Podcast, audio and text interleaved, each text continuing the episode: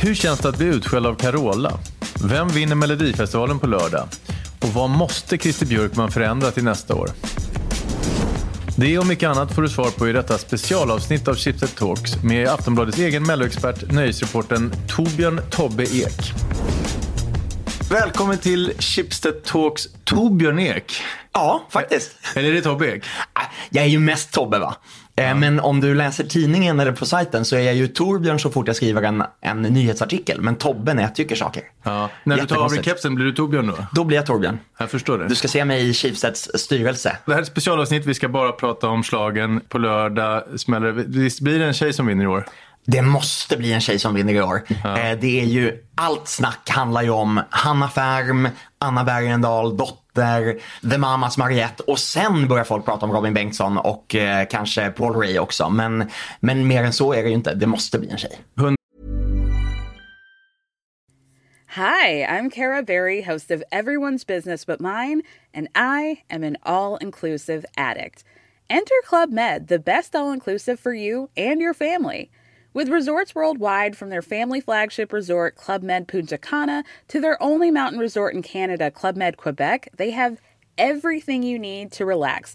With their 20 plus sports activities, wellness programs, you can dine on delicious cuisine and make memories with your family. So book your next getaway with Club Med. Visit clubmed.us or call 1 800 Club Med or your travel advisor. 100 kronor lägger du på vem? Vi Eh, delar på det, 50 var. Ja, vet du vad? Då lägger jag på Dotter och på Anna Bergendahl. Därför att Dotter är den som streamas bäst, men jag tror att Annas är mest effektivt i tv-rutan. Och eh, det eh, brukar vara det som tar hem eh, det på slutet. My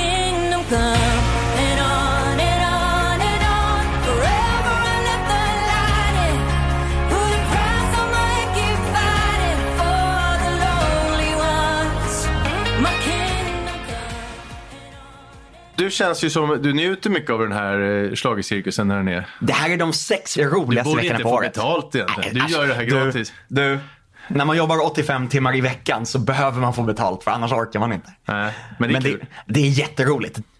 Och bevaka Melodifestivalen, det som är så roligt är den totala tillgången. Vi är ju med från första gången artisterna kliver upp på scenen Mm. tills dess att de går hem från efterfesten. När efterfesten stänger klockan tre på natten mellan lördagen och söndagen. Mm. Och den tillgången får man nästan inte någon annanstans. Men det är ju det som har gjort Melodifestivalen så stort också. Att vi journalister får vara med överallt och kan rapportera om precis allting. För det är ett vuxenläger, låter det som. Absolut, det är som en cirkus, en kringresande cirkus. Och man blir en del av det. Jag låter dig bli Christer Björkman till nästa år då. Vad ändrar du på? Då gör vi om hela konceptet. Det måste göras om nu för nu har de här programmen eh, lite grann gått i stå. Framförallt vi lyfter in eh, riktiga programledare som inte ska göra sketcher i mellanakterna. Där tar vi istället in andra artister eller humorgrupper, typ Grotesco tillbaka till det. Det var Kanske... lite bättre förr helt enkelt. Ja, framförallt så har... För de är också komiker. De är komiker men de behöver inte vara programledare. Vi kanske gör om alltihopa faktiskt. Vi kanske gör det som Eurovision. Vi har två stycken semifinaler tisdag och torsdag och sen så har vi en final på lördagen. Eh, så blir det liksom en melodifestivalvecka. Eh, där lördagen också blir ett eh, Oscarsgaleprogram med lång röda mattan och, och sådär. Så det är så man ska få tillbaka fem miljoner tittare i, i veckan. Något behöver man göra. Jag är ju inte programmakare så jag vet inte exakt vad det är. Men det, det man gör fel, det är ju att det blir mer och mer barnprogram nu. Inte någonting som du och jag snackar om, eller jag snackar om det, men som mannen på gatan snackar om på söndagen eller måndagen. Såg du det här? Missade du det? Gud, du kan inte missa nästa vecka. Det är ju det de behöver ha. Just nu så är det istället så att det är ett program som riktar sig till barnen och så tittar föräldrarna också. Men du med bladets femgradiga plusskala, vad, vad sätter du för betyg på årets? Handlar det om låtarna eller handlar det om helhet. programmet? Helhet. Helheten skulle jag säga är en väldigt, väldigt svag 2 plus. Och 2 plus är ändå godkänt enligt Aftonbladets skala från ett minus upp till, upp till 5 plus. Men två plus svag två är ju riktigt det dåligt. är riktigt, riktigt dåligt. Det är Sveriges största tv-program. Men om man tittar på tittarsiffrorna nu så skiljer det bara 100 000 mellan På spåret och Melodifestivalen. Det är pinsamt. Det ska ligga en miljon däremellan. När var det fem plus då? Vilket år var det? Ehm, jag skulle säga att det var 5 plus under Petra Medes första år, 2009. Det var 5 plus båda åren som Gina Dirawi ledde programmet. Första gången var det ju när hon ledde det tillsammans med Sarah Finer och Helena Bergström. Mm. Och sen så ledde hon det ju eller alla tre åren förresten. Hon har ju också sen lett det med Danny Saucedo ett år Mm. och sen så ledde hon det ju som ensam programledare och så hade hon olika sidekicks varje vecka. Alla de tre åren skulle jag säga var fem plus. Vilken är tidernas bästa schlager? Det går inte att säga. Jag är så här supernördig. Om jag går på en slager, eh, till en slagerbar med en slager-DJ, Mm. då önskar jag ju sådana här låtar som ingen känner igen. Annika Burmans I en ding ding värld från 1988 till exempel.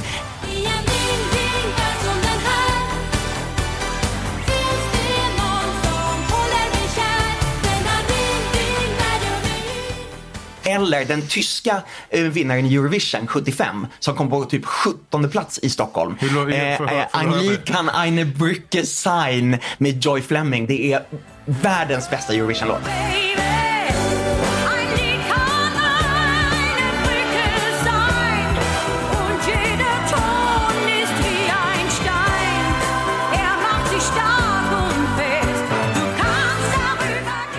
En frågesport mellan dig och Björn Kjellman då, vem vinner? Han vinner för att eh, jag är väldigt duktig på att kolla på Wikipedia. Jag är väldigt duktig på att kolla faktan innan jag skriver. Men han har det i huvudet. Det har inte jag alltid. Jag har några år som jag kan. Jag kan 1987 i Eurovision kan jag lite bättre än något annat. 1990 i Melodifestivalen kan jag lite bättre än, än andra år. Men så här då, jag tar med dig till en schlager karaokebar nu efter inspelningen. Vilken låt uppträder du med? Ingen, för jag kan inte sjunga. Jag är fullständigt tondöv när det gäller att sjunga själv. Jag kan, hö- jag kan höra åt med- andra hållet. Jag det vet, men, men jag gillar ju när karaoke är bra, när folk verkligen kan och är begåvade. Det är det Ja. värsta.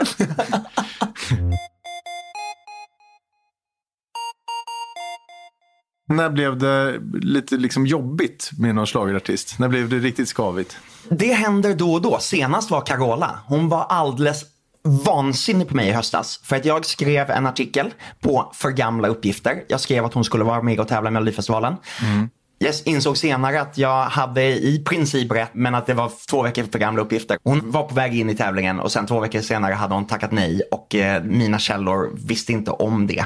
Ringde Eh, hon upp då eller sågs ni någonstans? Nej, jag gjorde sen eh, några veckor senare en intervju med Carola inför ett tv-program hon skulle vara med i och då kunde hon inte släppa det här och det blev en utskällning. Carola har också en, eh, ett sätt som hon försöker hämnas på journalister. Hon sliter upp mobilen och så filmar hon medans hon skäller och så här konfronterar. Och det här höll på i säkert en kvart. När hon har hetsat upp sig och blivit argare och argare och argare så insåg hon i slutet att liksom, det går inte att vinna utan det viktiga är bara att hon får läsa lusen av mig. Så hon avslutade med att sluta filma och säga jag gör nog inget av den här filmen. Okej, nu har vi pratat ut. Kramades ni sen eller är det stelt efteråt? Lite stelt var det, men ändå okej. Och jag förstår, ibland Carola är väldigt, väldigt, väldigt påpassad på väldigt många sätt. Ibland behöver hon ha möjligheten att, att göra det där. Och jag har sett det ske tidigare, inte mot mig personligen. Så att jag eh, visste vad som kunde komma att hända. Och då får man ta det.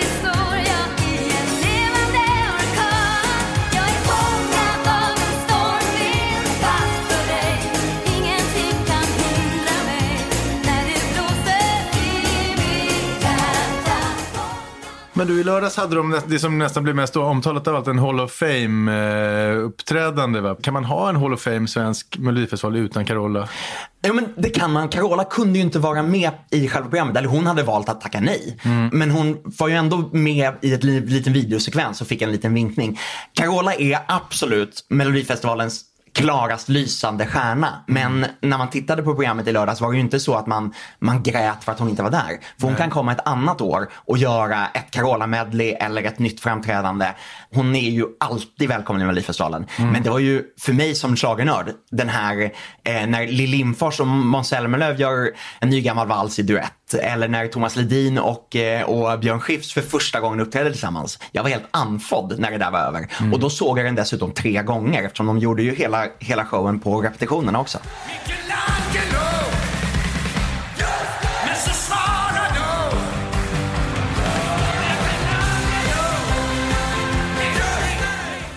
Hur stökiga är de här efterfesterna egentligen? De kan vara väldigt stökiga och ibland är de väldigt, väldigt ordnade. Men det är ju eh, när Lina Hedlund släpar upp Nanne Grönvall på dansgolvet för att tillsammans göra Kräla på golvet under Stad i ljus som sista låt. Så mycket att hon... Eh, Är det får- erotiskt krällande då? Eh, ja, det ska vi inte säga att det var. Men det var så pass mycket krälande att hon hade blödande skavsår på knäna efteråt för att hon verkligen levde sig in i den här dansen. Ja, för att det är Eh, liksom kraftfullt med... och sen finns ju alltid någons pojkvän eller flickvän eller mamma eller kusin som vill komma fram och eh, på fyllan ifrågasätta varför man har skrivit på ett sätt eller annat. Eh, så det får man ju leva med som journalist då såklart. Men som reporter på Aftonbladet är man spiknykter och sköter sig förstås. Eh, fram till en viss punkt. När jag slutar jobba så kan jag dricka öl. Och då är det ju så här att då slutar jag jobba i det läget att jag, eh, jag kan inte Tar du skriva. kepsen och blir Torbjörn? Nej, det är klart jag inte gör. Men det jag gör är ju att jag slutar oftast jobba klockan två på efterfesterna.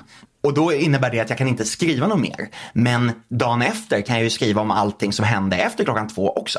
Och det gör jag. Och det vet de flesta om. Eh, och ibland varnar de varandra för det också. Men det är ju också det mest lästa eh, när jag i bloggen på söndagen bloggar om allting som har hänt på efterfesten. Har du sett filmen, um, vad heter Cameron Crowes film Almost famous? Mm. Det där är fienden, kom ihåg att det där är fienden. Är det liksom, har de förstått det i mello-cirkusen också? det finns där, eh, framförallt hos de som är lite mer osäkra och som inte har varit med om Melodifestivalen tidigare. Mm.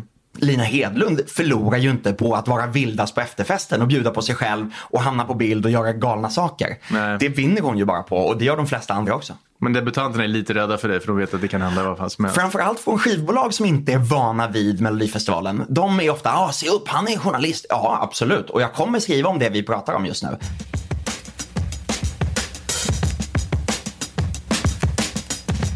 Det fanns en, en legendarisk säljare på Svenska Dagbladet som hette Christer Greven Hagberg. Han gick ner varje lunch och käkade gratis i konferensen. Ingen vågade säga någonting till honom för han hade sålt annonser för en miljard och han var äldst i huset. Det är det bästa Schibsted-hacket jag någonsin har hört talas om. Eh, vad har du för något? Det bästa Schibsted-hacket det är att så fort man kommer in på ett våningsplan så ska man säga hej. Till, man ska bara säga hej rakt ut till allihopa. För att det får folk på så himla bra humör. Första gången tittar de upp och är lite förvånade eller tycker att det är lite konstigt. Men det får folk på bra humör och gör att eh, man blir jäkligt bra bemött tillbaka. Och eh, då får man alltid fördelar. Genom att är man trevlig så, så är det någon annan som ser en tillbaka och kommer med det tipset nästa gång. Men menar du att vi inte är så trevliga mot varandra här i Chipset-huset normalt? Folk är jättedåliga på att hälsa på varandra. Ja. Jag försöker alltid hälsa på eh, folk, framförallt om jag känner igen dem. Ibland är man ju lite, men säg hej i hissen. Vad fan. Skitbra! Tobbe Ek, tack snälla för att du var med i Chipset Talks. Tack för att jag fick komma. Chipset Talk presenteras på uppdrag av Chipset Employee Branding Team. Jag heter Hugo Renberg och producent var Jens Back. Och här kommer den, världens bästa slager. touch me the way you used to do. I know tonight could be all I'll have with you. From now on, you'll be with someone else instead of me. So tonight, let's fill this memory for the last time.